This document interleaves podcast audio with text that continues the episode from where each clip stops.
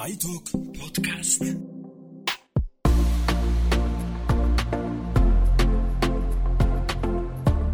За сайн байцгаана уу? JC Монгол байгууллагаас эрхлээ болж iTalk podcast энэ удаагийн дугаарыг EQ сэдвэр JCI байгууллагын 2015 оны дэд ерөнхийлөгч за JC Монгол байгууллагын 17 оны үндэсний ерөнхийлөгч менежментийн зөвлөх Батышиг хүрэлцэн байна. Өдрийн мэнд. За мөн JCI Улаанбаатар централ салбар байгууллагыг үүсгэн байгуулагч JCI байгууллагын сенатор өөрчлөлтийг чиглүүлэгч төвийн зөвлөх Сүрэн Чимэг Сайн байна. За миний BJS Монгол Академийн сургагч багш Дэл Карнег олон улсын тренингийн байгууллагын албан ёсны эрхтэй сургагч багш Алтуугийн даваасран байна. За тэгэхээр хэдүүлээ эхлээд энэ EQ гэж яг ямар утгатай юу юм товчгоо нэг ойлголтын талаар ярилцах хэрэгтэй бах тий. Хамгийн энгийнээр ярихад хүндрэлтэн одоо энэ толгой доторхыг эсвэл хүний сэтгэл оюун доторхыг хэмжих хэмжүүрүүдтэй болох гэж одоо баггүй хугацаа буулаад тэгээд бидний одоо хамгийн түрүүнд хэмжижсэн хэмжүүр бол IQ гэж оюун ухааны чадамж юм хэмжижсэн тий. Тэгээд аюу ухааны чадвар өндөртэй байгаа хүмүүс үнэхээр одоо амжилттай сайн ажиллаад байна уу юу гэдэг дээр одоо бизнесийн эзэд ялангуяа үйл ажиллагааг өдөртөн авч явж байгаа хүмүүс бол шүүмжлэлтэй хандаж эхэлсэн цагаас эхлээд энэний цаана арай нэг өөр юм байх шиг байна гэдгийг судалж эхэлсэн төвхтэй. За хэдийгээр EQ-гийн санааг анх одоо 50 гаруй жилийн тэртээ яг одоо сэтгэл судлаач, сэтгцийн эмч мэрэгжлийн хүмүүс гаргаж ирсэн боловч тэрнээс даруй одоо 30 жилийн дараагаар сэтгүүлч хүн олон нийтэд дэлгэжээж өнөөдөр бидний одоо ярьж байгаа EQ-гийн тухай ойлголтыг бол өндөрлөгтөн энэ ойлгож байгаа ойлголтынхаа хэмжээнд ойлгох ийм нөхцөл үүссэн байна. Тэгэхээр магадгүй бид нар EQ-гийн талаар өнөөдөр тэр Голманы одоо тодорхойлж, томьёолж, суурийн тавьсан талаас асуудлыг ярих байхаа гэж ингэж төсөөлж байгаа. Менежментийн талд ч гэсэн энэ маш том ойлголт болоод ороод ирсэн байгаа. Тэгэхээр ярил зөндөө юмнууд гарах байх гэж бодож байна. Цааш нөрөглүүлээд явах.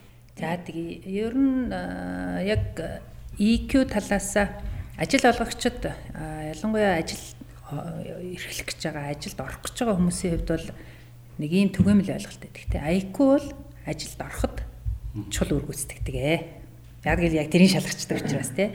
А EQ бол албан тушаал ахихад ажилдаа урт удаан хугацаагаар ажиллахад голлох үргийг гүйцэтгэдэг ээ гэсэн нэг ийм санаанууд бас явдаг. Тийм учраас бидний өнөөдөр ярих гэж байгаа ярилцлагын гол утга бол та яаж урт удаан хугацаанд амжилттай бөгөөд үр дүнтэй байх юм бэ гэдгийн бас нэг одоо тулгуур ойлголтуудын нэг болох болов уу гэж ингэж харж байна. За нэг таван бүрэлдэхүүнтэй тухай хүмүүс угаасаа мэдж байгаа байх те сонсогчд маань жисийн ялангуяа энэ талаар олон сургалтууд дээр хийдэг учраас мэдж байгаа гэж бодож байна. Тэгээд змөр хамгийн өргөн утгаар нь нийгмийн талаасаа, нийгмийн чадрын талаасаа одоо яг амьдралд яаж мэдрэгддэг юм бэ? Ажил дээр яаж мэдрэгддэг юм? Бидний одоо ойр орчинд энэ юм яаж мэдрэгдээд байд юм бэ гэдгээс эхлэв. Тэгье. За яг ажил олгогчд бол мэдээж хэрэг ажилд авахын тулд зөндөө олон шалгуурууд тавьдаг. Сая сөрөг шилдгээр IQ энтер бол нэлээд олон жил яригадаад хөвшээд явчихсан зүйл байгаа. За IQ-гийн тухайд бол сүүлийн жилүүдэд үнэхээр одоо чухал шалгуурын нэг болгоод бол тавьсан байгаа. Гэхдээ энэ өөрөө их амаргүй сэдв гэж би бол хардаг.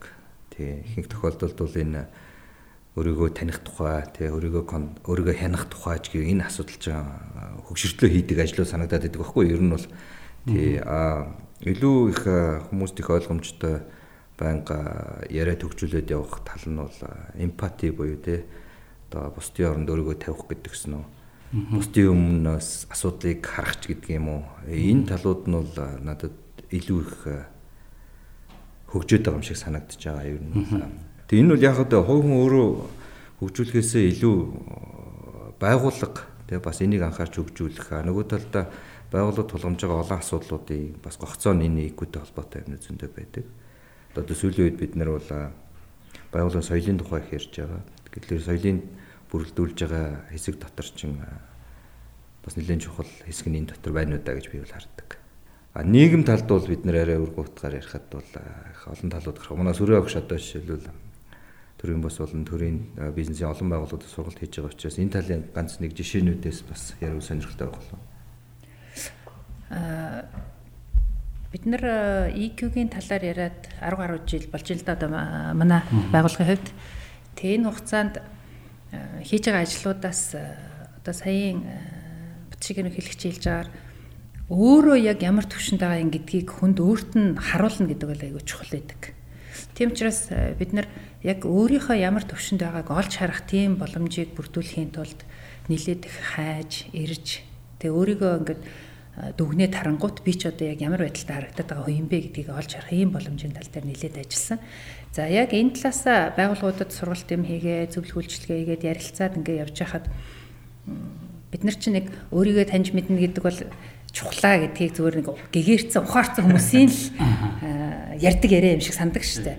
А гэтэл өнөөдөр бол энэ өнөөдөр ерөөсөө бүр бүх хүний хувьд чухал юм болцсон гэдгийг яг энэ судалгааны э, ч юм уу энэ одоо яг бодит байдлууд биднэрт харуулад байдаг л да. Тэгэхээр яг хүн ингээд өөр дээрээ тулж ирээд хөөе би чи нэг ингэчихэд байгаа нөхөр юм байна шүү дээ гэдгийг олж хартлаа бол тэрнийг аа тийм тийм байдаг шүү дээ муу мэдэн шүү дээ сонссон шүү дээ гэдэг байдлаар хандаад байдаг Та ч нэг эн чинь ингэ болохоо хэлсэн юм байна шүү дээ гэдгийг өөрөө гаргаад ирэхээр асуудлыг өөр өнцгөөс харж эхэлдэг. Өөрөөр одоо мэдэрч эхэлдэг. Тэгэхээр тэр талаасаа ингээд байгууллагуудтай ажиллаж байгаа юмнаас харахад бол нийгмийн итгэх гэдгийг ялангуяа манай одоо залуу үеийнхэн ч юм уу. За хамтдаа яг одоо сайн байна гэж болж чадахгүй. Яг тэгэл э, тогтоогоо судлаад ярилцаад энэ төр болсон юмнууд байгаа учраас зөвөр бид нартай ажилласан юмнаас харж байхад бол нэг юм чанга чанга дуураад төрөнд нь чанга одоо мэдрэгдээ те бусдад сонсогдоод ч юм уу эсвэл ингээ харагдаад ч юм уу байж байгаа нийгмийн итгэвтэй байгаа байдлаар төсөөлж андуурч ойлгох юм явдлууд бол нилээд их гараад идэм удаа гэж би зүгээр анзаардгийг. Аа бид нар нэг э, сайн мэддэг кино байдаг шүү дээ. Ийм нэг явдал гээд монголчууд орчуулахдаа одоо үндсэн хийсэн хүмүүсээс нь илүү сайн орчуулчихсан юм байна гэж одоо орсод дүгнжсэн гэж би бас нэг юм уншиж байсан. Тэн дээр гардаг нэг шуураа гэдэг нэг хүүхэн байдаг да. Одоо гол нэг дүртэй туслах дүр хэдий боловч тэр бол яг тэр бидний одоо зөрүүлж ойлгоод байгаа нийгмийн итгэхийг бодитоор харуулсан одоо дүр юм уу гэж ингэж хараад идэг. А гэтэл тэр нийгмийн итгэхийн чинь цааталд бусдын төлөө санаа тавих, хүний оронд өөрийгөө тавьж бодох гэсэн тэр ойлголтууд бол илүү оо суурь нь болж өгдөг. Тэр нь байхгүй хэрнээ наана гадна талдаа хий итгэвтэй байгаад байгаа юм уу? Тэр нь зөв чим шиг, сайн чим шиг ойлголтуудыг хүмүүст төрүүлээд а тэгээ яг цаг хугацааны явцад тэр нь илэрч гарахаараа одоо ямар үр дагаврууд бий болдгийг бас ажиллагчид эдгээр илүү мэдэрдэг баг тий. Тэр талаасаа би нийгмийн итгэх гэдэг энэ юм хэдийгээр EQ-гийн хувьд нэлээд чухал одоо EQ-г чинь ингээд дүрслээд харахаар байшин л болоод байгаа шүү дээ. Байшингийн маань дээвэр юм шиг харагддаг боловч үнэн эрэхтэй тэр дээврийг тогтоодог багна нь суур нь байхгүй бол асуудал их өөр болдог шүү гэдэг л ийм санааг л олж хараад байгаа юм л та. Тэгэхээр тэр сая хэлээд байгаа бусдын өмнөөс бодох, бусдын өмнөөс өөрийгөө харах, энэ хүний оронд байсан бол би яах вэ гэж бодох энэ юм бол EQ-гийн хувьд. Одоо багны дайны барилгын хувьд бол одоо тулах хамгийн гол хэсэг л гэж ингэж хараад байна. Энэ дээр би бас яг одоо Батэшиг хэрэглэгч бол яг менежмент байгууллага талаас нь ярьлаа. Та нийгэм талаас ярьлаа. Гэтэл яг би ингээд бодож ин л доо.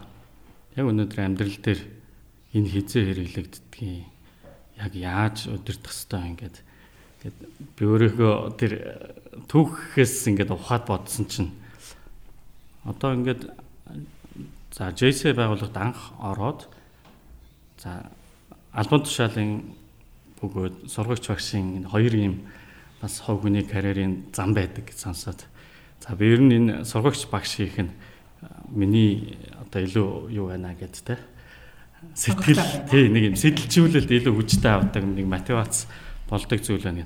Тэгээ тэр чиглэл рүүгээ ингээд явсан чинь хамгийн их ярьсан зүйл бол ингээл хандлага байна л да. Хандлагатай холбоотой сэдвүүдийг их ярьсан байна. Тэгээд их олон жил ярьсан байсан бөгөөд эцэс сүлд нэг одоогоос баг 4 жилийн өмнө юм да. Дээл Карнеги тренинг гэж одоо энэ олон улсын сургалтын байгууллага албасны эрх аваад анх удаага ингээд танхимд гараад одоо тэр брендийг төлөөлж сургагч багш гэдэг ингээд оюутлага компани мундаг багш нарт хичээл заажлаа. Байгууллага дотроо бас ингээд сургалт хийдэг болон олон хүмүүсийг манлайлдаг. Тэгсэн ерөөсөө ингээд бүтэн 3 хоногийн өдрийн сургалтанд эхний өдрөөс ахуулаад яг ярьсан юм болгонд ингээд хэц гэл. Нэг эмэгтэй ер нь их тийм юугаа өсөө шийдлээд л ярьсан зүйл дээр их тийм зөрөнгүү байрыг бас яг та өөрөө ингэдэг юм уу гэл те их эвгүй асуултууд орж ирээд л тийм зүйл анзаарэгдэжсэн.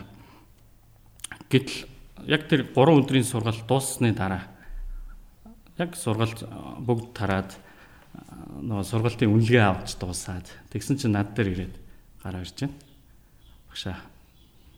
Үнэхээр энэ 3 өдрийн сургалт бол миний амьдралдаа бас өөрийгөө нэг олж харсан их чухал мөч байла. Тэгээд э, миний төлөө хийсэн юм намайг ийм аз шагалтай болгож чадсан шүү. Баярлалаа гэж хэлээд гараад явж явах үед бараг лифтэн сууж амжааг өссөн баг. Би ингээд дотроо ингээд yes гэл. Баярлалаад нэг ийм бадрах сэтгэл төрдөг юм байна. Тэгсэн яг энэ явдлаас өмнөх нь би яг миний хувьд менежментийг бас зааж өгч ирсэн удирдлага академийн доктор гэж доктор Бата гэж хүн байдаг. Тэгээд нэг талдаа бас буддийн философи тал дээр би бас юм асууж сонирхдаг. Тэгсэн надад тэгж хэлж ирсэн. Яг чи сэтгэл хөдлөж байгаа агшин бүрээ ер нь анзаарч чадвал эргэж бай, сөрөгч бай хамаагүй. Тэрийг яг азанж хагаад би яагаад ингэ сая баясч юу? Юунаас болоод? Алкогол гуниглаад гутраад байвал яг юунаас болоод яагаад ингэж гутраад байгаа гэдгээ л анзаараад бай.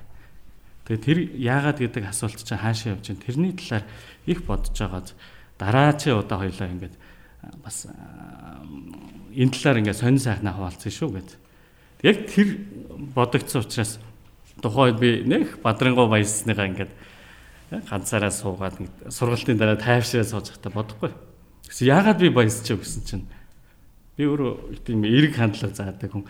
Эрг л байх хэвээр. Дандаа баясгалантай хүн, эрг мэдрэмжтэй байх хэвээр гэж боддог байтал яг эрг мэдрэмж бүхэн үнэн үү гэдэгт зөв гэдэгт би эргэлдсэн. Ягаад гэвэл тэр хүн намайг хүлэн зөвшөөрсөнд яг үндэ би баясах юм, баярлах сэтгэл төрсэн байгаа байхгүй.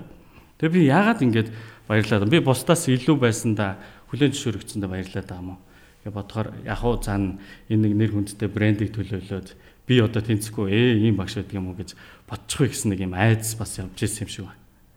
Гэтэл дахиад ингээд ухаад бодоод би тэр хүний битсэн юу гэн ягаад энэ хүн бас надад талархлаа илэрхийлсэн юм бол ингээд сургалтын үнэлгээг харсан чинь би амьдралдаа маш хүчрхэг чухал хүмүүсийг дандаа ингээд дутуу үнлээд өөрийнхөө дайсан болгодог байжээ. Хамгийн чухал хамтрагчаа, хамгийн чухал хүнээ ингээд бодох төдийл их таагүй анз. Тэгс энэ талаар ингээд бодож боловсруулах тэр зүйлийг боломжийг олгосон. Энэ миний амьдралд их тийм тос боллоо. Тэгээд энийг одоо талархлын ямар үгээр илэрхийлэх мэдэхгүй гэсэн утга. Яг тэр хүний өнцгөөс ингээд бодоход тэр хүнд ямар сайхан зүйл хийж чадсныгаа бодоход харин өмнөхөөс ч илүү юм сэтгэл их тийм бадарсан сайхан мэдрэмж авч ирсэн. Тэгэхээр хизээ ер нь сэтгэл хөдлөлийг удирдахын тулд бид нар эхлээд ойлгох хэрэгтэй байна гэдэг бодол төрн дээр ягаад сэтгэл хөдлөөд байна гэдгээ хүн анзаараад азнаад ойлгож явах хэрэгтэй байна гэдэг эхний шатанд бас бодогдлаа. Аа. Сонирхолтой юу вэ те? Жишээ байна те. Тэг яг энэ ИК-гийн тухай гэхээр одоо юу гэдэг хамт олон удирдах тавьж байгаа удирдлагын бол зайшгүй байх хэрэгтэй чанар байгаа юм л. Энэ зүгээр нөгөө nice to have биш те need to have гэдэг буюу энэ өдөртөгчдөнд ажиллаж байгаа улсуудын IQ-г бол зайлшгүй хөгжүүлдэг те энэ чи IQ-г бодох юм бол нэг сайн тал нь юу вэ гэхээр хөгжүүлээд удирдаад явж болдог ийм чадвар байгаа. Яг миний уншсан зүйлүүд дээр бол IQ-г одоо ингээд хөгжүүлвэл ингээ мингээд гээд нэг юм төдийлөн тийм хүчтэй байгаагүй. IQ-гийн тухайд бол нэг сайн мэдээ бол тийм нааштай байдаг. Энийг бол удирдаад хөгжүүлээд ингээ явна. Мэдээж хэрэг энэ амаргүй жишээл юу гэдгийг удирдлагын төвшөнд жишээл гүйцэтгэх захирал хийгээ явж байгаа хамт олон удирж байгаа хүний тухайд ярихад өдөр болгон шийдвэр гаргаж байгаа. Ер нь бол удирдах төвшний ажил хийж байгаа хүний гол ажил шийдвэр л гарах байдаг.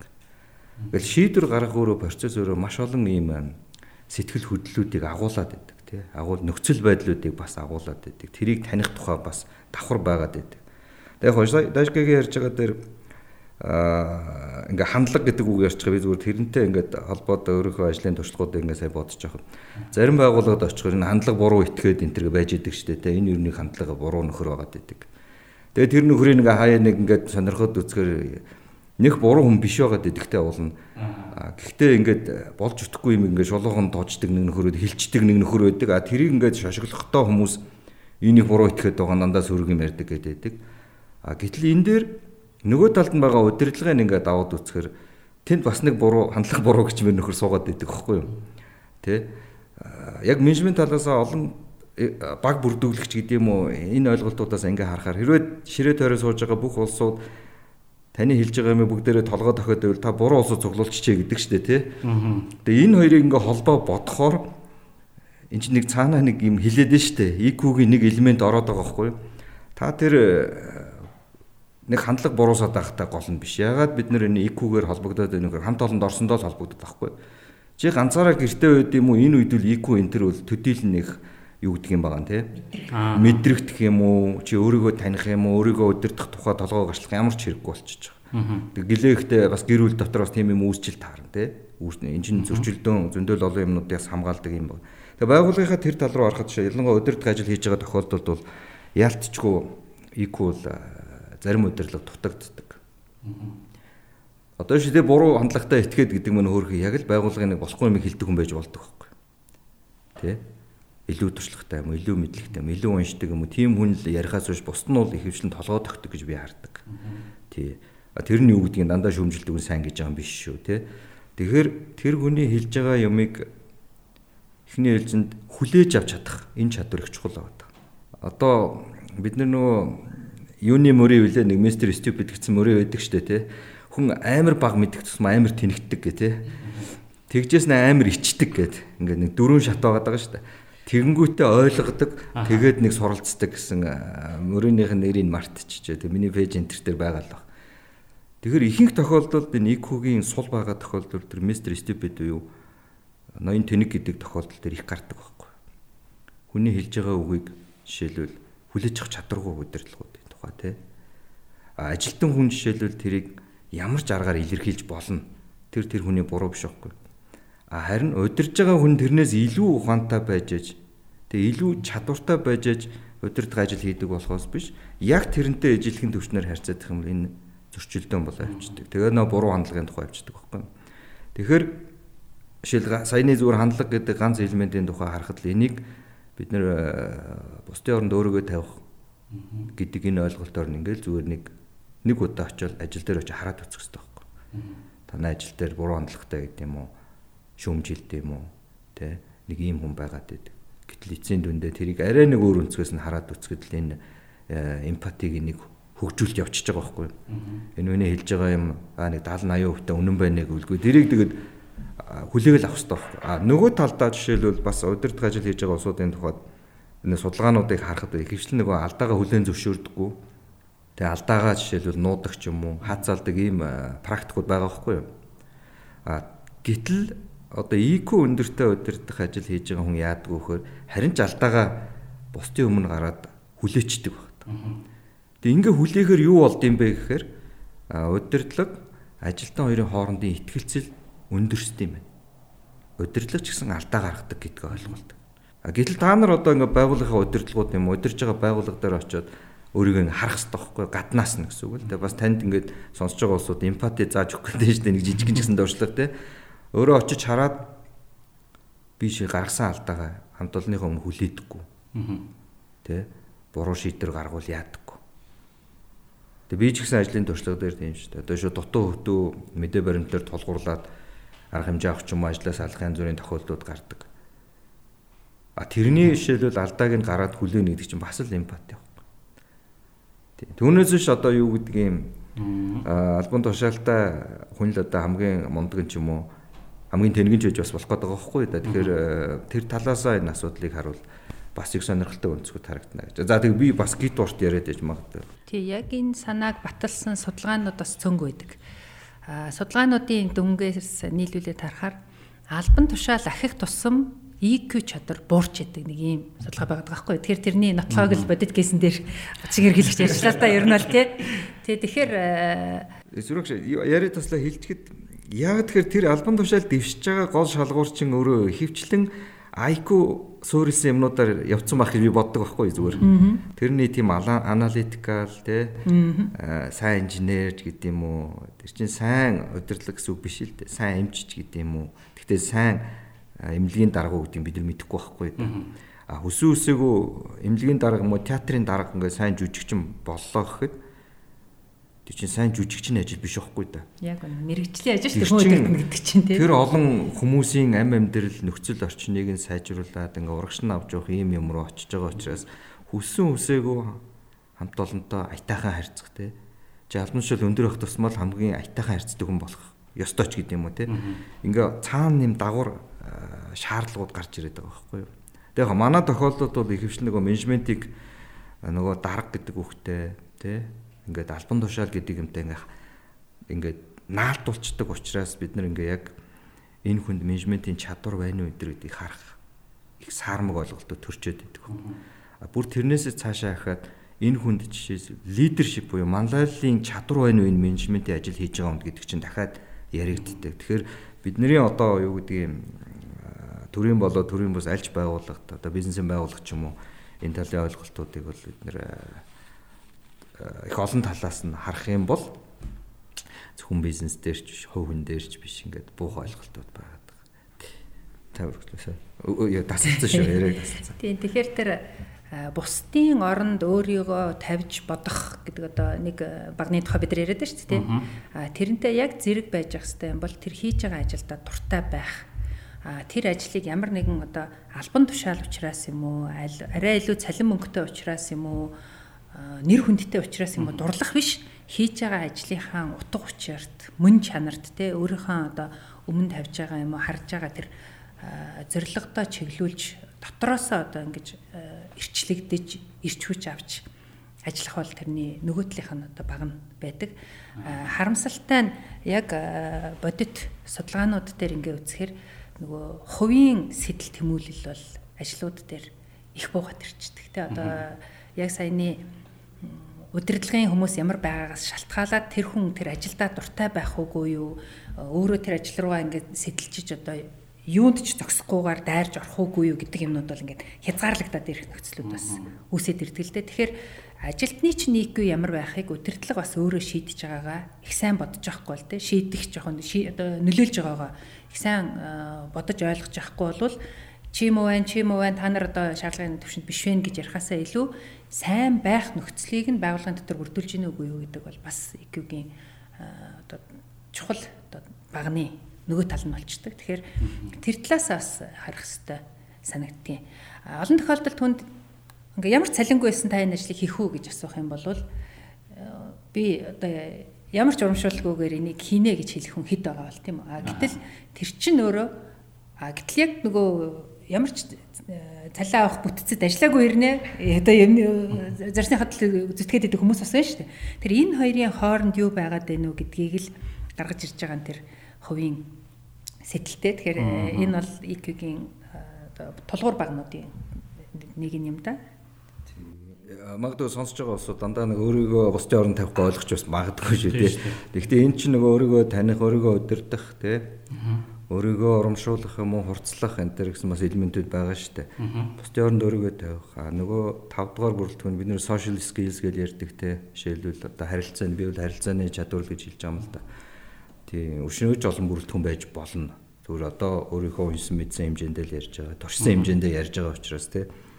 Тэгээ одоо бусдын оронд өөрийгөө гингүүд тэгээ эн чи яах ёстой юм бэ гэж цаашаа задрах юм бол бид нар жишээл бусдын үзэл бодлыг олон ургалж үзлийг ч юм уу хүндэтгэж хүлээж авах тий а одоо бусдын одоо харилцааны энэ харилцааны янз бүрийн ур чадвартай улсуудад харьцдаг гэдгээ ойлгоод тэр харилцааны онцлогуудыг мэдрэх гэдэг байна тий мэдрэх гэж а нөгөөх нь болохоор яг одоо удирдах ажил хийж байгаа бол танаас одоо тэр улсууд яг юу шаардж гинү гэдэг ингээд нэг юм гурван өнцгөөс жишээлбэл тэрийгэ задлаад ингээд бусдын оронд өөрийгөө тавихаар шууд тавихаасаа илүү тий олон ургалж үзлийг чи зөвшөөрч чадж гин үү эхний ээлжинд те тэрнийхээ дараа чамаас юу шаардж байгааг чи мэдэрж гин үү одоо шиг бид нэр сенсор ч гэдэг юм уу те мэдрэмжтэй байх энэ төр гэдэг талаар нь илүү хардаг юм уу ингээд деталь юмнууд бол явж байна. Гэхдээ гол нь энийг нөгөө практик дээр бид нэр буулгаж турших те тэр нь өөрөө их чухал байгаад байдаг. Тэгээ тэр утгаараа яг би энэ одоо компаниудын юм хум дээр хэлэхдээ зөвлөгөө өгөхдөө бол илүү нэ удирдах төвшөнд ихний ээлжийн юмнуудыг ер нь ярих дуртай байхгүй юу? Ярих юм уу сургалт хийх дуртай. Яагаад гэхээр тэр нөхдүүд ингээд чин модельүүд байхгүй нөгөө талаасаа бол тэр байгууллагын одоо соёлыг тодорхойлдог, байгууллагын уур амьсгалыг тодорхойлдог тийм модельүүд болдог учраас эхлээд тэр модельүүдийг бид нэр их сайн толгой төрүүгийн цэнэглээ. За костюм костюм гоё өмсдөг болцсон л байлгүй дээ тий. Тэр нь ч одоо дүүрч. Тэр хэлбэр мэлбэр нь бол болцсон шүү дээ. Ингээ харахад л дарга шиг болцсон царай марин тий. Тийм улсууд байж байгаа. Одоо яг мөн чанар талд нь бол бид нэр ажиллах хэрэгтэй болдог. Тий. Тэр мөн чанар дээр ажиллахын тулд эхлээд толгойдоо ажиллах гэдэг байна. За одоо жишээлбэл юу гэдгийг байгууллагын соёлыг тодорхойлж байгаа модель болсон захирал байжсэн нэг шийдвэрийг хоёр өөрөөр гаргачих тохиол байж. Тэгэхээр энэ өөрөө жишээлбэл байгууллагад яаж буудаг вэ гэхээр маш хортой буудаг байхгүй. Та дахиад тэр хүмүүсийн урмыг юм уу итэвхийг сэргээх гэж тэрнээс л 2 3 дахин их хүчин чармаалт гаргах хэрэгтэй болчихдог. Тэг бүр энгийн жишээ те. Яг ижилхэн алдаан дээр жишээлбэл хичнээн шударга ясмаас юм хум ярддаг байгууллагын үн цэнт зүйлтэй байлаач гэсэн чи ингээ яг ижилхэн алдаан дээр жишээл илүү алтан тушаалтай дээр амар зөөлхөн буугаал ажилтан дээр амар чанга буудаг тохиолдол байж идэг байхгүй тий. Тэгээ эн чинь л өөрөө дахиад чиний нөгөө IQ-гийн хэмжин дутагдаад ирж байгааг харж байгаа байхгүй. Тийм. Шөөл чи нөлөөлөл давтаж байгаа байхгүй. Нөлөөлөл давтаад тэгээд ийм юм ярьчих. А аль эсвэл байгууллагын соёл одоо би сүүлийн үед яг нэг ийм маш товчхон хэлчихэж байгаа юм л да. Манай байгууллагад одоо улгаа зэлгийч машиглын шамшигд бол За ховж ив ч юм уу ихслээ одоо яах вэ гэдэг одоо янз бүрийн пэйж юм асуу штэ. Тэгээ би яг шоглол хариулж байгаа юм тэр л дээ. Захирлыгаа баг хулгай хий гэж хэлээ. Эсвэл захирлыгаа ховж ивэнд баг ачаал бөглөв гэж хэлээ. Гэ ингээ хариулчихж байгаа юм. Тэгэхээр нөгөөдөл чинь бодоод штэ. Энэ цаад утгаараа юу гэхээр байгууллагын соёлыг тодорхойлж байгаа гол элемент нь захирал нь л байдаг. Тий. Тэнд болж өгөхгүй асуудал их байна гэвэл тэр хүнээс л ажлууд хийгдэх хэрэгтэй байхгүй ихний. Тэрнжээж эн чин тэр одоо ашиглан шамшиглуулт юм уу хулгай зэлг юм уу бусад ийм сөрөг асуудлууд чинь намсдаг болохоос биш. Тэр доор байгаа тохиолдлуудаар энэ асуудал чинь шийдэгддэг. Тэгэхээр хүссэн үсээгөө одоо нэгэн л чи модель болж байгаа бол удирдах ажил хийж байгаа модель бол модель шиг л болох хэрэгтэй болно шүү дээ тий. Нөгөө талаас акурамд байгаа загас шиг л байхгүй ингээл харсан чинь ингээл яг л үлгэр жишээ болмоор тий байгууллагын одоо үн чударгын юм уу соёлын одоо ийм бийт бүтээл шиг ингээл харагдж идэг те. За энэ хүнээс л иймэрхүү юм дээр бол ямар ч юм гарахгүй дээ гэдэг юм. Тэгээ иймэрхүү юм чинь бас нөгөө удирдлаганд байгаа улсуудын IQ-г хөгжүүлэхэд би бол сайн нөлөөлдөг гэж ойлгоо. Жишээл хүн өөрийгөө таних гэд ярихад бид нар амархан юм шиг мөртлөө тэр хүнд алдааг нь хэлэхээс нааш нөгөөдөг чинь тэрийг ихэнх тохиолдолд ухамсарлагдаггүй өөр өөрийнхөө өнцгөр л харсаар байдаг. Тийм учраас тэр байгууллагын хийж байгаа сургалтууд байгууллагаас явуулж байгаа янз бүрийн арга хэмжээнүүд аль болох нөгөө улсуудаа шиг үнэлгээний систем ч гэсэн ижилхэн шүү дээ. Жишээлбэл одоо гүйцэтгэлийн үнэлгээний систем нэвтрүүлсэн байлаа ч гэсэн тэрний эцсийн дүн юу юм бэ гэдэг чинь хүнийг яс хатуу юмар үнэлэхээсээ илүү энэ хүн бидний тавьж байгаа зорилтонд оруулж байгаа хувь нэмрээ мэдрэх байхгүй юу? Би одоо за та одоо энэ энэ дээр анхаараарай гэсэн ийм фидбек авч байгаа бол бид нэр тэр хүнд хөгжих боломжийг дахиад нөгөө талдаа өгч байгаа байхгүй. Тэрэн дотор нь ихэнх тохиолдолд бол автомат механик ажлуудад өөрсдөө хийчихдэг юм. Тэн дээр яг IQ-тэй холбоотой эсгүүд дээр л ихэвчлэн хүмүүс баг оноо авдаг ийм хандлагууд байдаг. Жишээ нэгтлэн хүн байл яг нэгтлэнгийнхаа ажлыг өсөө өсөг сайн хийчихдэг байхгүй да. Гэтэл тэн дээр ямар сөрөг юмнууд гараад байна нөхөр муухай харьцдаг гэдэг юм уу? Тэ аль эсвэл одоо юу гэдгийг харилцагчийг уурлуулсан ч гэдэг юм. Ингээд нэг юм жижигхэн жижиг юмнуудаар нөгөө юмнууд чинь ингээ бүдрээд байгаа боловч өнгөн талдаа харагдаж яг цаа талтаа харангууд нөгөө хүмүүсийн бид нэр IQ талыг хөгжүүлэх юм уу те тэр улсуудын оронд бусад улсуудаа тавьж үзэх юм энэ юмнууд нь бол хаягдсан байдаг байхгүй. Тэгээ нэгэд одоо бид нар ч гэсэн би ч гэсэн өөрөө суралцаад явж байгаа учраас нэг айхтар ингэдэг гэхээсээ илүү э, энэ э, байгаа нөхцөл байдлаа бид нар хамгийн сайнаар байх хичээх. Тий. Тэр нь бол өөрөө өөрийгөө зоригжуулах, урамшуулах, хянах тий. Эхлээ өөрийгөө контролно гэдэг чинь өөрөө тийм амаргүй байгаад байгаа хгүй да. Тий. За тий. Нягтлан жишээ нь мэрэгжлийн аягүй сайн хийчдэг тий. Бид нар аяндаа мэрэгжлийн хүмүүс аваад ажиллаж байгаа учраас тэрийг бол хийчдэг. А яг харилцагчтай юм уу, хэрэглэгчтэй юм уу, хамтрагчтай юм уу одоо эерэг сэтгэл төрүүлэх зөв ажиллах те яг тэр нөгөө хувийн чадварын нэмнүүд дээр алдаанд гараад дээ. Энэ болохоор нөгөө EQ-гийн маань суур ойлголтуудтай холбогдож ирдэг. Тэр нь өөрийгөө одоо ухамсарлах, өөрийгөө залж удирдах. Тэгэхээр ухамсарлахын хувьд бол бид нар чи ингэж болно шүү, ингэж болохгүй шүү, ийм юм дээр ингэдэг шүү, тэгдэг шүү гэдгийг бол байгуулга аяндаа нөгөө дүрм журмаараа тий ёс зүйн бусад бүх юмар ингээ хилээд өгчдөг сургалтуудаараа ч гэсэн зөндөө ингээд чи ингээ болохгүй шүү. А гэтэл тэрнийг би болохгүй дэ гэсэн энийг бодлоо. Яг ингээл дашкавтаар ярих эсвэл одоо яг тэр акшн дээр өөрийгөө залж авч чадах гэдэг чинь саянд нөгөө батагшин жишээ байхгүй юу? Би яг ийм юм болохтол ингээд идэх шүү, ингэж болохгүй шүү гэдгийг залах юм нь бол тэр нөгөө өөрийгөө удирдах чадвар нь болоод ирчихэж байгаа. Тэгэхээр энэ хоёр бол нөгөө өөрийгөө тань гэдгийн хүрээнд багтах буюу нөгөө гэгэрцэн өмсөл хийдэг юм шиг санаад байдаг хэрнээ. Өнөөдөр хэрэг болоод байгаа чи ерөөсөө энэ. Тий а гэтэл эн чин тэр EQ-г одоо төлөөлж байгаа одоо загвараар харах юм бол байшаан гэж үзвэл хундаам байхгүй. А гэтэл бид нар чин гадна талын тэр нийгмийн итгэх мэдэх ингээ бусдын төлөө санаа тавих байхад э, чамтайгаа сайхан харьцмалцдаг амар гоё ингээд идэг. Юмаа сайн хийчихдэг хэрнээ. А яг тэр нөгөө суурь байхгүй бол чин хичнээн гадна талын сайхан байгаад нэмэрэг болчихж байгаа ямар ч суурьгүй тий Дээр үед нэг э, хөрхийн манай Баян хаврын талаар нэг ийм онгонууд яриад байдаг шүү дээ. Гэхдээ ийм сайхан эрүүл газар, ийм сайхан материалаар байшин барьж яхад нураадах юм. Хундаа мохоогүй. Гэтэл байшин барьсан нэг онгоо шиг юм яадаг.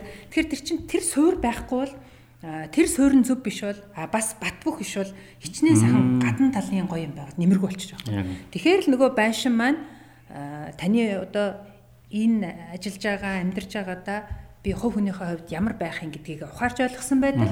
А тухайн цаг мөч моментод гаргаж байгаа үйлдэлээ удирдан залж байгаа. Энэ хоёр юм бол EQ-гийн хамгийн гол суурь гэдэг. А нөгөө талаасаа EQ бол сая сурч хөгжиж болдог юм гэж хэллээ те. Тэр сурч хөгжин гэдэг нь нөхцөл байдлуудад гаргаж байгаа үйлдэлүүдэд залах юм байна. Тэгэхээр нөгөө давтамжуудаар илэрдэг энэ те. Тэгэхээр тэр өмнөх хийж байсан үйл маань өнөөдөр яаж болж гинөө ийм өөр нөхцөл ороод ирэхээр яаж болж гинөө гэдэг тэр давтамжууд дууд дээр л хүн өөрөө өөрийгөө өөр байлгаад өөр байлгаад өөрийнхөө төлөө хичээгээ зүтгээд байгаа бол тэр нь нөгөө суурэ зүг болгоод байгаа юм. Бүр зуршил юм тийм ээ. Тэр зуршил болох буюу тэр суурчин зүг болоо тэр дадалчин зүг болоод ирэхээр бидний нөгөө гадна талын үйлдэлүүдэд нөлөөллүүд нь ир болж ирдэг. Тэгээ эн чинь нөгөө таван бүрэлдэхүүн хэсэг болгон чинь бидний үйлдэлд нөлөөлж байгаа хүчүүд маш их байдаг. Жишээ нь тэр өөрийгөө одоо би ингэж болно шүү болохгүй шүү гэдгийг ухаарж байгаа ухаарлал бидний үйлдэлд нэг 67 орчим хувиар нөлөөлдөг гэж байна. Аа гэтэл дарга бол за би дарга юм чи яад ингэхээр асуудал тандах те. Үний захирал юм чи энд яач ч болно дээ гэж хандах. Аа гэтэл би захирал ухраас ингэж болохгүй гэж бодох бодол хоёрын хооронд бол үр дүнгийн нөлөөлөлт бол 67 орчим хувиар нөлөөлж байгаа. Аа гэтэл тэрнийг үйлдэл болгоод одоо яг нөгөө тухайн моментод гаргах гэж дээ те. Аа яг адилхан алдаа бат шиг захирал одоо ажилтан дашка хоёр гаргачихжээ. Гэтэл нөгөө сүрэн чивч чинь За за бат шиг ерөнхийлөгч юм чинь жаах ингэчи. За дашка бол яг залуу хэмжтэй болчих штэ сурна те. Бид яг ийм алдаа хийх. А ийм чинь бол эргээд бидний үр дүн 79% нөлөөлдөг. Тий. Тэгэхээр тий. Тэгэхээр энэ л ахгүй. А тэгэхээр бид нар нөгөө одоо түрүүний хэлсэн багшийн чинь жишээ бол чи яагаад ингэч үү гэдгийг 50 үедээ бодоо. Гэдэг чинь тэр 50 үедээ би тийм үед тэгж болохгүй шүү гэдгийг л өөртөө ингээл инсталлдод байгаа хэрэгтэй. Аа тэгээ яг тэр нөхцөлийн тулгуур зөв хийчихэж байгаа бол эн чинь өөрийгөө өмнө хийчихсэн алдаага тавтахгүй. Тэгэхээр сургаж болж байгаа үйлдэл нь энэ дээр. А гэтэл IQ бол бидний одоо энэ IQ гэж 35% нь ээж авийн бүтээл шүү дээ. Тэ ингээд удамшиж ирдэг те. Одоо та бид нарт байгаа энэ ойлгогдсон энэ зүйл ч гэсэн те бидний хүүхдүүдэд 35% нь удамшуул. А гэтэл үлдсэн 60 гаруй хувь одоо 3-ны 2 нь тий төрснөөс хоошох төлөвшөөл нөхцөл байдал энэ төргээд энэ юмнуудаа одоо бүрэлдэжээж бий болдог. А EQ-гийн хувьд бол өнөөдөр ч гэсэн би өөрчилж болдог. Өнөөдөр ч гэсэн. А гэтэл тий хөгжүүлж болдог тий. Тэгэд энэ хөгжүүлэлтүүдийг хийсэн туршлагууд эдэр зөндөө юм лээ. Одоо яг ийм үйлдвэрийн дамжлагтаар ажиллаж байгаа хүн байна да. Үйлдвэрийн дамжлага бол ингээл тэр алдаа гарахгүй тэрнийг л ингээл хийж ивэл болоо зү тэ гэж бид нар одоо төсөөлдөг. А яг тийм ажил дээр EQ-г нь хөгжүүлээд ирэнгүүт 3-аас 8 дахин бүтээмжийн зөрүү гарах жишээтэй. Тэгэхээр тэр чинь зүгээр л энийгээ хийх энийг би алдаа гарахгүйгээр хийх ёстой шүү гэдгийг ойлгоцсноор хийх хоёрын хооронд тийм ялгаа гарч шээ тий. А гэтэл хүнтэй харьцдаг хүмүүсийн хувьд бол энэ бүр ингээд хэд дахин 12 бүр хэд дахины зөрүүтэй тэр судалгааны туршилтууд эдэр байт юм билээ. А тэгээ сүүлийн жилүүдэд одоо би нөгөө хүнтэй ажилдаг учраас нөгөө талаасаа боловсролын э, салбарт одоо хайртай гэх те мэрэгчлийн хувьд энэ салбарын хүний хувьд тэр талаасаа асуудлуудыг илүү хараад байна. EQ-гийн хөдөлгөөнийг одоо хүүхдүүд дээр сургууль дээр эднэр их хийж байгаа ажлууд бас их байна. Тэгээд хүүхдүүдийн EQ чадварыг хөгжүүлэхээр хийсэн тодорхой хугацааны ажлуудын дараагаар сурлагын чанаруудад хүүхдүүдийн бие биентэй харилцаж байгаа байдалд бид нэр эерэг үр дүнгууд гарсан жишээнүүд бас зөндөө идэм л. Тэгэхээр бид нар тэр тал руугаа асуудлыг харах бас илүү чухал болж байгаа шиг тийм. Төрөний бидний ярьсан нөгөө багны асуудал шүү дээ. Одоо би багнал гэж нөгөө байшин учраас ингээд харахгүй байгаа учраас төсөөлүүлж загвар хий. Яг арга зүгээр л сайхан зүрхлээ. Практик талаас нь яриа. А багны хувьд бол бас аль тал нь ямар байх вэ гэдгээс шалтгаалаад бидний үр дүнд нөлөөлж байгаа юмнууд бол би. Тэгэхээр өөрөө дотроос хийж байгаа юмдаа мотивацлагдах тий тэрэндээ одоо өөрөө өөрийгөө сэтэлжүүлж явах явдал бас одоо 60 гаруй хувиар нөлөөлдөг. А гэтэл бусдын төлөө бодож байгаа энэ үйлдэл маань 45% руу. Бусдын оронд өөрийгөө тавьж бодох тий. Тэгэхээр бусдын оронд тавьж бодох тэр хүний төлөө бодох гэхээсээ илүү магадгүй оронд нь байсан бол энэ хүн миний оронд байсан бол яах вэ гэдэг ч юм уу? Талаас арга. А гэтэл бидний нөгөө нэг харилцааны юм уу нийгмийн эсвэл нийгмийн идэвхтэй байгаа бүр 25% руу буучирдаг. Тэгэхээр энэний цааталт ингээд яг ингээд байшингаа бүхлээр нь харах юм бол суурь л хамгийн чухал болчихж байгаа тийм суурь. Суурэ хэдий ч нэ бид нэр зөв тавьж ээж. А тэгээд нөгөө одоо нэг амар их ингээд юм мэддэг. Манай инста лак хүн шүү гэдэг хүмүүс үүдэг шин.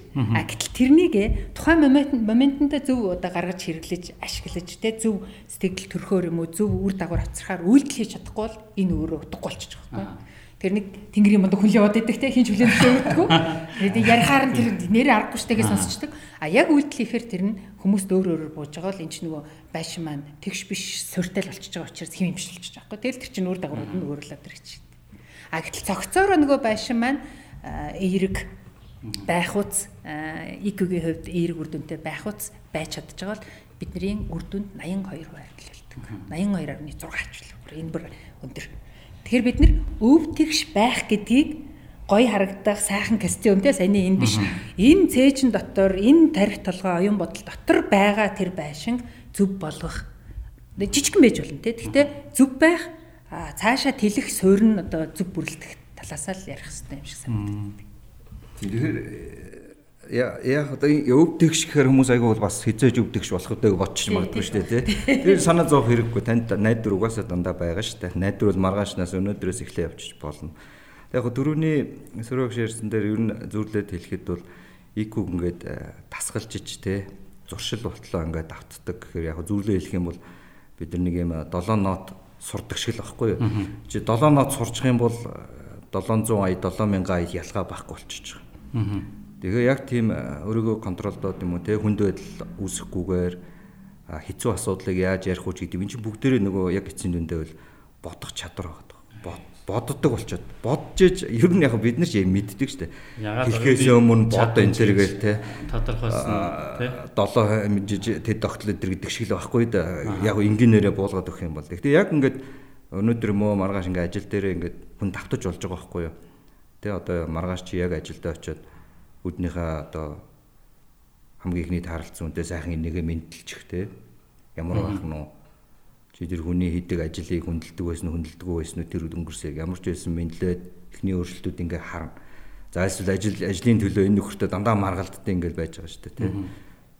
Тэнгүүч шилбэл энэ сөрөг шилдэг шиг судалгаанууд байгаад байгаа байхгүй маргааны бараг 60 70% нь дууны бүрэн өнгөнөөс буруу өнгөнөөс болдог ч юм уу биеийн хилэмжнээс болдог ч гэдэг юм уу ясамда яг маргалдаад байгаа асуудал нэг 10 15 20% нөлөөлдөг ч гэдэг юм. Ингээд олон зүйлүүд бол байгаад байгаа байхгүй юу. Гэтэл бидний нэг гол анхаарал маань юундаа илүү хөтлөгдөд байна вэ гэхээр бие биенээсээ давах гэсэн бие биенээсээ мундаг гэдгээ харуулах гэсэн тий илүү нөгөө тэрэндээ их автаад байдаг.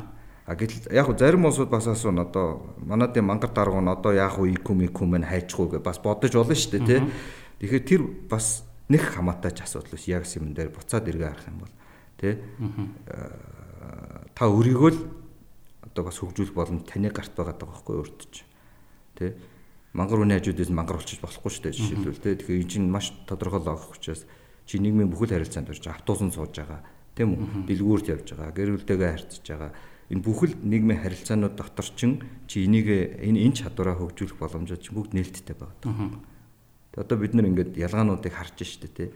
Энэ дэлгүүр рүү орохоор их сайхан байдیں۔ Тэр дэлгүүр л бай, тэр баг хэрэггүй дээ гэдэг тэ. Эн чинь бүр гिचнээ гой байшин байлаач гэсэн тэнд ингээд би болгосон ийм имижэр чинь хүмүүс одоо чинь чи мундаг байшин барь гэхдээ хүн орохгүй ч байж болно л гэж хэлж Чинээ мундаг имижтэй компани бай. Гэхдээ тэр компанид хүн орохыг хүсэхгүй. Өндөр ашигтай бай бас ч орохгүй ч гэдэг юм уу те. Одоо энэ компани юм уу энэ байгууллагын өөрөө имиж тэр имижээ хүний нөөцөөрөө байгууллагын соёлоороо дамжуулж бий болгодог. А тэрний дотор их чухал үүрэгтэй хэсгүүдийг бид нэр сайн нилээ ярьчлаа шүү дээ тийм.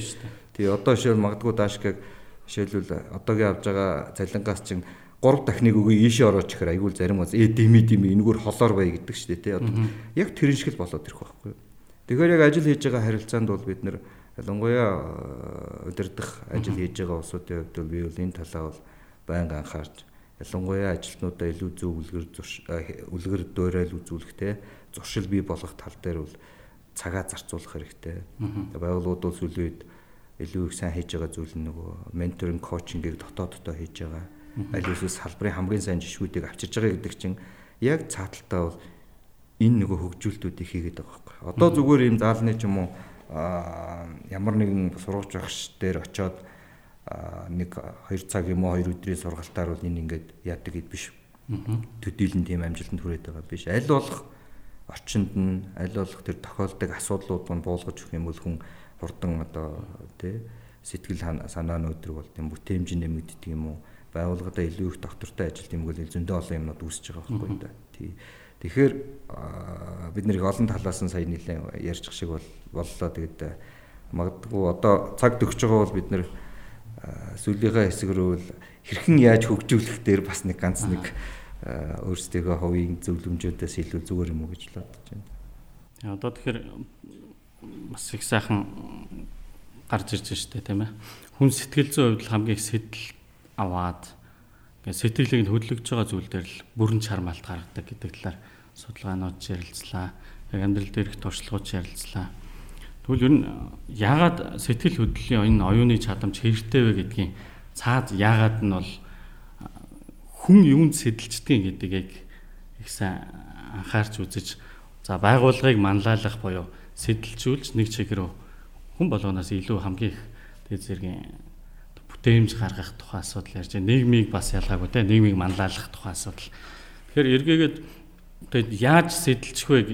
Энэ сэтэлжүүлэх үнцгийг яаж сэтгэл хөдлөлийг нь удирдах гээд байгаа юм бэ гэхээр дахиад би нөгөө бүр хойг үний бүр өдөртмийн юм дээр ингээл бодохоор заримдаа бид нэр зүгээр л хүүхэдтэй юм уу их нэртэй гэж юм уу ойлголцохгүй байгаа асуудал нэг сэтгэл хөдлөөд ойлголцохгүй байгаа асуудал яг анзаараа бодоход зүгээр өлсцснөөс Тэ. Алкогол хин нэг нь айгу нойргу яваад ядраад байгаа гэх юм. Тэ. Тэгэхээр ажил дээр амар ирээд. Аа. Тэ. Тэгэхээр ер нь яаж гэдэг дээр л дахиад эргээгээд ер нь ягаад ингэж байна гэдгийг л их нэг ухамсарлах гэж яриад шүү дээ. Анцнаад, анзаараад. Ягаад би ингэж одоо ер нь ингэж нэг цохол төрөөд байгаа вэ гэхэд магадгүй хоол идээгүй нойргүй явж иж бас болох юм те. Гэтэл бид нар ингээд яг тухайн үедээ за яах вэ би зүгээрээ гэл бодоол ингэх нь бас яг тухайн акшнд хийж байгаа хэл сэтгэл хөдлөлийн оюуны чадамжаа үүд их тийм нөгөө тал руугаа явж байгаа шийдвэр байдаг юм л. Яагаад тэгвэл би одоо эхлээд бусдыг сэтэлжүүлэхийг ярихаас өмнө эхлээд өөрийгөө анзаарч ойлгоод удирдах тэгээд өөрийгөө нөгөө сэтэлжүүлэх тухай би яг бодоод байна л да. Тэгэхээр ягаад би яг одоо хоол идээд амрах хэвээр гэхээр хамгийн үн цэнтэй сэтгэл хөдлөгдөг зүйлтэйг л холбоод бодчих юм бол тийм хүчтэй хүн өөрөө их сэтэлжиж тухайн цаг агшинд одоо би хоолтой явах хэвээр ядрахгүй явах хэвээр ягаад гэвэл өөр хүүхдийнхаа төлөө би илүү урт удаан эрүүл сар бол явах хэвээр ч гэдэг юм. Яг нэг юунд сэтэлждгийн тухайн юутайгаа холбоод бодчих юм бол бас юу гэдэг юм л аа энэний дараагаар харин өөр хэн нэгэн хүн уцаарлаад уурлаад байгаа бол анзаараад одоо хоолоо идсэн үү? Тэ миний хань шүн юу унтаж амарсан юм уу? Жохо амарчих юм уу гэдэг юм. Яг энэ саяны Сүрэн чимэг сенаторын хэлдэг хундаам гэд ярьж байгаа тэр нэг ийм зүйл байна л да. Яг өдөр тутамдаа л тийм ээ.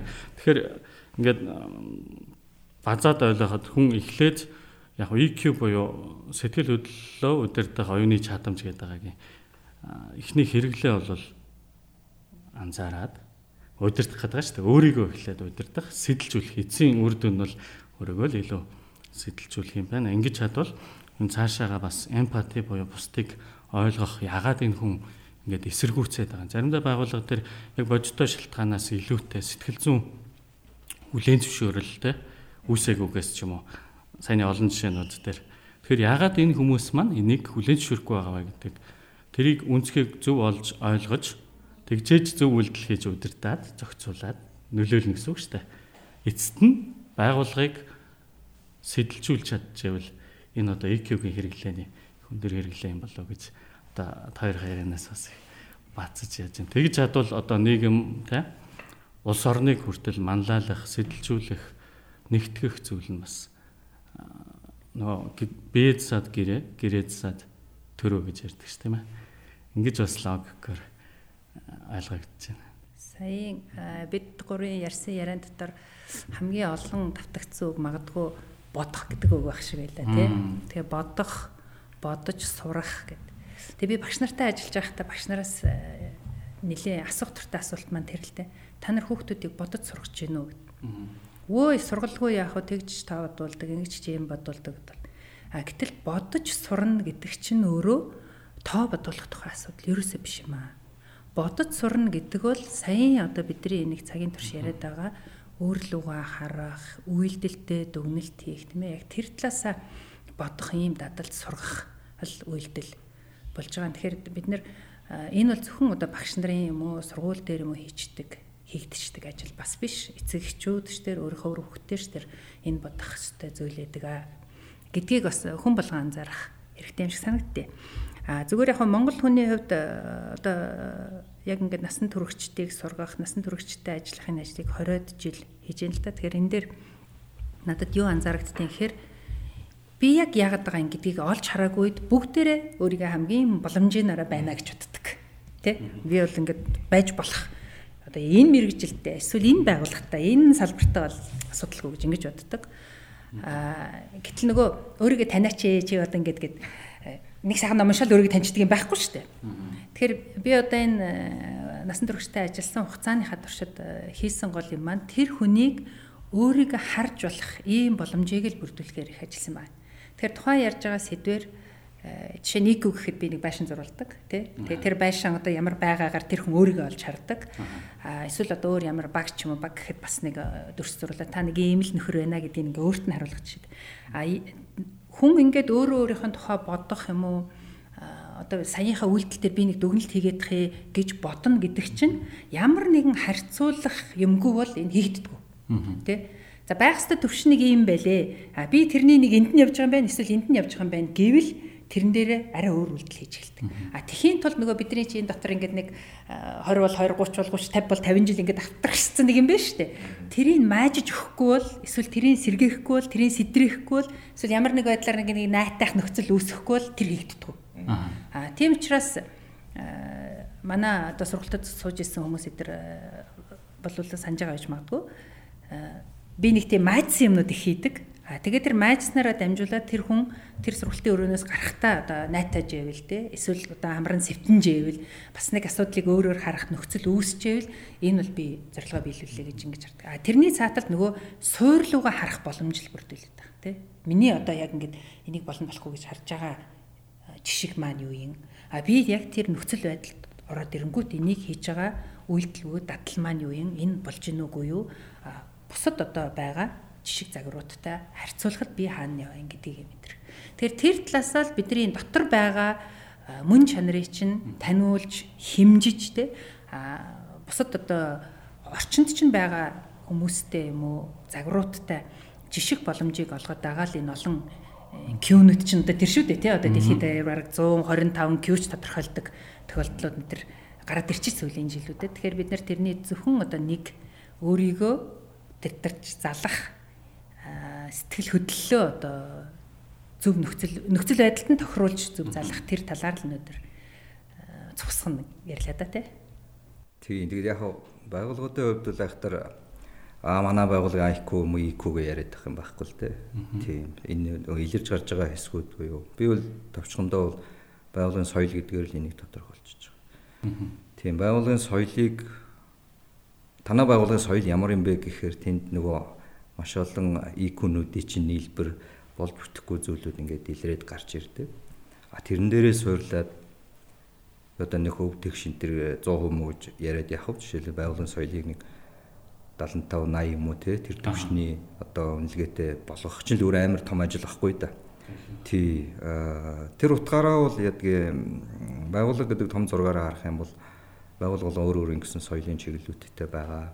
Тэгэхээр нэг байгууллага яг тэр юу одоо юу гэдэг уул уурхаан байгууллага бол илүү аюулгүй байдал чиглэсэн соёлтой байдаг ч юм уу. Үйлдвэрлэл арай өөр ч юм уу те. Ингээл янз бүрийн юмнууд байгаа. Хэрэглэгч төвтэй нь бол үйлчлэгээ худалдаан дээрч гэдэг юм уу Тэгэхээр бол би бол манай хоёр сая хувийн талын юмнуудыг нэлээд хэлсэн учраас би байгууллага талаас нь хэлэх нь бол энэ ИК-г хөгжүүлэх энэ бол тасралтгүй ажил нэг удаагийн бил биш. А илрүүлж гаргаж ирж байгаа хэсэг бол магадгүй байгууллагын соёлын үнэлгээнүүд байж болох байх. Тий. А тэр соёлын үнэлгээнийхаа дагуу тухайн байгууллагууд байгаа сөрөг зүйлүүдийг багасгах, тэгээ эерэг зүйлүүдийн илүү идэвхжүүл дэмжих гэдэг энэ ажил өөрөө хангалттай их ажил болох байх гэж харж байгаа. За яг хүмүүсийн тухайд бол түрүүнч бид нар бас нэлээд ярьсан учраас та өөрийгөө ингээд танихын тулд жишээлбэл өөрийнхөө зөрчилж исэн кейсүүдийг л бодох хэрэгтэй. Хамгийн наад. Би ер нь ямар юм дээр очиод зөрчилдөөнд ороод хүнтэй муудаад ирэлдэ янз бүр болтгийн. Аха. Тэрний суур шалтгаан дахиад доошоо нэг ухах юм бол юу байдаг вэ гэхээр хүний нөгөө ихтгэл үнэмшил байдаг байхгүй. Чи төрлөхөөсөө шудрах хүн гэж бас нэг байдаг штэ тий Жишээл төрлөхөөсөө хууль зөрчдөг ч юм уу, хулгай хийдэггүй ч юм уу, ийм ихтгэл үнэмшлийн ийм төрөлхийн шинжүүд бол бас байна. Аа, IQ ч юм бол илэрхийлэмж тал руугаа илүү очиж байгаа байхгүй. Илэрхийл одоо байшинга барьдаг тэр зүг очиж шин. Тийм. Тэгэхээр бол энийг ихтгэл үнэмшил юу хоёрыг шууд холихоосоо илүү ихтгэл үнэмшил ч юм бол байдгаараа л байна. Та илэрхийлэмжүүд тухайн нөхцөл байдалд хамгийн зөв ухаалаг хариу үйлдэлүүд үзүүлэх чинь л өөрөө өөрийгөө контролдож чинь бусдын оронд өөрийгөө тавьж байна. Тэгээ харилцаж чадж байна. Өөрийгөө таних гэж байна энэ гэдэг энэ ойлголт руу авчиад байх шиг харагдаад байна. Тэгэхээр бол одоо маргаашнаас ахуулаад жишээлбэл би одоо ИК-гөө хөгжүүлж энэ төр гэхээсээ илүү ямар одоо зөрчилдөөнүүд танд байдгийг гэдгээс сайн бод. А тэр зөрчилдөөнд ялах ялагдах нэг чухал биш байхгүй юу? Харин тэнд ийм сэтгэл зүйн хувьд хохирол багтаагаар гарч чадах чадвар чамд байна уу гэхгүй. Шил хүнтэй муудлаа тий. Шил ажлын төлөө би муудаж гин гэж ярьдаг тий. Муудчаа зарим хүн амар хурдан сэрэгчдэг буцаад маргааш нөгөө юу вэ гэж явж чаддаг тий. Энэ бас нэг чадвар байхгүй. Яг тэгэхээр тэр хүн өөрийгөө контролдоо удирдаад энэ асуудал дуусцаа одоо дараагийн асуудал. Гэтэл нилээ их болсоо тэгж чаддаггүй. Бараг жилжингээ мэдлэхгүй ч хүмүүс байж идэг те юм амир амир мангар мангар жишээ зөндөө шүү байгууллага дээр те. Энтэй одоо би мэдлээгүй. Тий, ерөөсөө тэгээ. Тэгэхээр энэ өөрөө нөгөө ику муудаа хүн хаав нэг хөр ингээл амархан ингээд гараал ажиглангууд байж идэг байхгүй юу? Тий, би энтэй 3 жил дугаараагүй ч гэдэг юм уу те. Тий, эн чин өөр тэр бол таны чадвар юм уу? Нөгөө хүний чадвар мадар биш. Энэ эцсийн дүндээ байгууллагт амир муу байхгүй. Тэг байгууллага зүгээс нь ярьж байгаа шүү. Хуу хүндэж муу штэ. Ямар л сайн болов гэж те. Тий, тэгэхээр бид нар бол одоо эгог одоо маргаашнаас ч гэдэг юм уу энийг сонсноос хойш юу хийж чадах вэ? Хамгийн зүйлийн зөрчлөө бод тэрнээс сэтгэл зүйн хохирол багтаа гарч чадчихна тэр л би багтаа гарч чадахгүй нэг бол ном унш заварч мянган ном байна тий а бүр болохгүй коуч авдаг ихэнх улсууд ялангуяа удирдах ажил руу ажил руу явж байгаа улсууд бол менторинг коучинг бол заа ихэнхдээ авдаг. Тэр чин таны нөгөө ном зарцуул их цагийг хэмнээд өгчдөг ч гэдэг юм уу тий гэхдээ мэдээж та хэр их хүлээж авдаг тэрнээс ч их шалтгаална л да. Тэгэхээр дуусгаад бол хэлэхэд бол тийм айхтар хэцүү зүйл бол биш таал хийж чадчихвэл болчихно. Тийм тэгэл давт те тархиндаа бод зуршил болов тэгэл болно. Би ийм юм хэлэх байна. За баярлалаа. Би яг таны туршлагаас юунаас ингээ харахад бас их гоё байгууллагын менежмент тал дээр EQ яг яаж боох вэ гэдгийг тавчхан гоё хэлжлээ гэж ойлгож байна. Байгууллагын соёл дээр л энэ EQ гэдэг байгууллага дээр ярил байгууллагын соёл гэж ойлгох нь шүү дээ, тийм ээ. Би тэгж хардаг шүү тий. Айхтар доктор моктор хүн сонсч байвал уучлаарай тий. Гэхдээ л бод практик дээр бид нэр тэгжил болгож илүү ашигладаг л. Соёл чинь угаасаа нөгөө тэр байгууллагад ажиллаж байгаа хүмүүсийн үйлдэлүүдийн нэгдэл юм чинь тий. Тэгэхээр одоо би өөрийнхөө үйлдэлийг өөрийнхөө дотор байгаа тэр чадвар өөрийгөө удирдах байгаа, өөрийгөө залж байгаа, өөртөө болон болохгүйгаа хэмжиж байгаа тий. А эсвэл ихтгэл үнэмшлээ илэрхийлж байгаа. Тэр юмар л гаргаж ирэх учраас тэр илэрлүүдийн нэгдэл чинь соёл болж байгаа болохоор тэгж одоо илэрч гарч ирнэ гэж хэлхийг бол эсэргүүцэхэд бол хэцүү л дээ. Тий. Өшөө нэг нэмээд дааш гэж хэлчихгээд санаа нийлж ин л да. Тий. Өшөө яг нэг Өшөө зүгээр санаа нэмэхэд 10 15 жилийн өмнө бол одоо Forbes-ийн юм уу том компаниудын гүйцэтгэх удирдлагууд жишээлбэл ажлаасаа халагдах шалтгаан, мөн ажлаа өгөх шалтгааны бараг 70 80% нь бол санхүүтэй холбоотой байдаг гэсэн байхгүй юу? Аа. Тэ? Жишээлбэл хувьцааныхаа үнийг буруу гаргад юм уу, санхүүгийн fraud гэдэг юм уу, тэ ингээд янз бүрийн санхүүтэй л холбоотой юмар тэгдэг байсан бол а сүүлийн 5 6 жилийн судалгаануудыг харахад болохоор энэ 70 80% нь болохоор ёс зүйн асуудлаас болж жишээлбэл ажлуудаа өгсөн юм уу? Айсвс юу солигдсон байдаг байхгүй. Эн чин юу хэлээд байны вөхөр энэ ёс зүй гэдэг юм дотор чинь бас л бидний саяны ярьсан гисгүүд байгаа байхгүй юу те. Өөрийгөө өдөрдөж чадахгүй хүн байвал байгууллагад ямар хор хохиртой юмнууд хийдэг вүлээ ямар хортой шийдвэрүүд гаргадаг вүлээ энийг бас мэдчих. Эсвэл бусдын ямиг муу нийгмийнхаа байдлыг мэдрэхгүйгээр том том шийдвэр гаргаж байгаа дундсан том том компаниуд зөндөл байж байдаг тий. Тэгэхээр бол бид нар бол энэ одоо сүрөөгш хэлж байгаа энэ байшин өөрөө олон юмны суур тий. Бас олон юмны шалтгаан ч үж мэддэг байхгүй. Тийм. Тэгэхээр одоо бид нар бол одоо юу гэдэг яс зүүж гэдэг юм. Байгууллагын соёл дотор чинь ч гэсэн яс зүү эсвүүд бий л дээ. Ялгаа байхгүй. Заавал одоо манайхан бизнесийн яс зүү гэж яриад байдаг те. Жишээлбэл. Заавал бизнесийн яс зүү биш шүү дээ. Тэр үл зүгээр л яс зүү нэг э, хэсэг нь бизнесөө наалцсан хэсэг л болохоос биш те. Бид нар яа улс төрийн яс зүү бас ярьж бол. Гэтэл цаана дахиад яс зүүчин яс зүгээр л байдаг байхгүй юу. Тийм. Тэгэхээр яг ингээд юу руу халиа явчих магадгүй учраас би ингээд ерөнхийдөө олон юмны үзүүр дээр байгаа. Сая судалгааны дүн бас түрүүний хэлсэн судалгааг баталж ах шиг энэ одоо баталж ах шиг байна гэх юм уу? том компани захирлууд ёс зүйн асуудлаас одоо ажлаас халагдж байгаа нь илүү болж байна гэдг нь. Өмнө би хэлжсэн шүү дээ. Нөгөө албан тушаал ахих тусам хүний EQ чадвар буураад байх хандлага бас харагддаг аа гэдэг. Тэгэхээр магадгүй тэр илүү өндөр түвшинд очих тусмаа би яасан ч яах вэ те эрх мэдэл надад байна гэдгээр хандах хандлагатай байгаа бол тийм үр дүнгүүдэд үр дагаврууд төрүүлж байгаа юм шиг байгаа. А гэтэл тэрий чинь EQ нь төлөвшч одоо өндөр түвшинд төлөвшсөн ажилчид ажилтнууд хараад байж байгаа шүү дээ.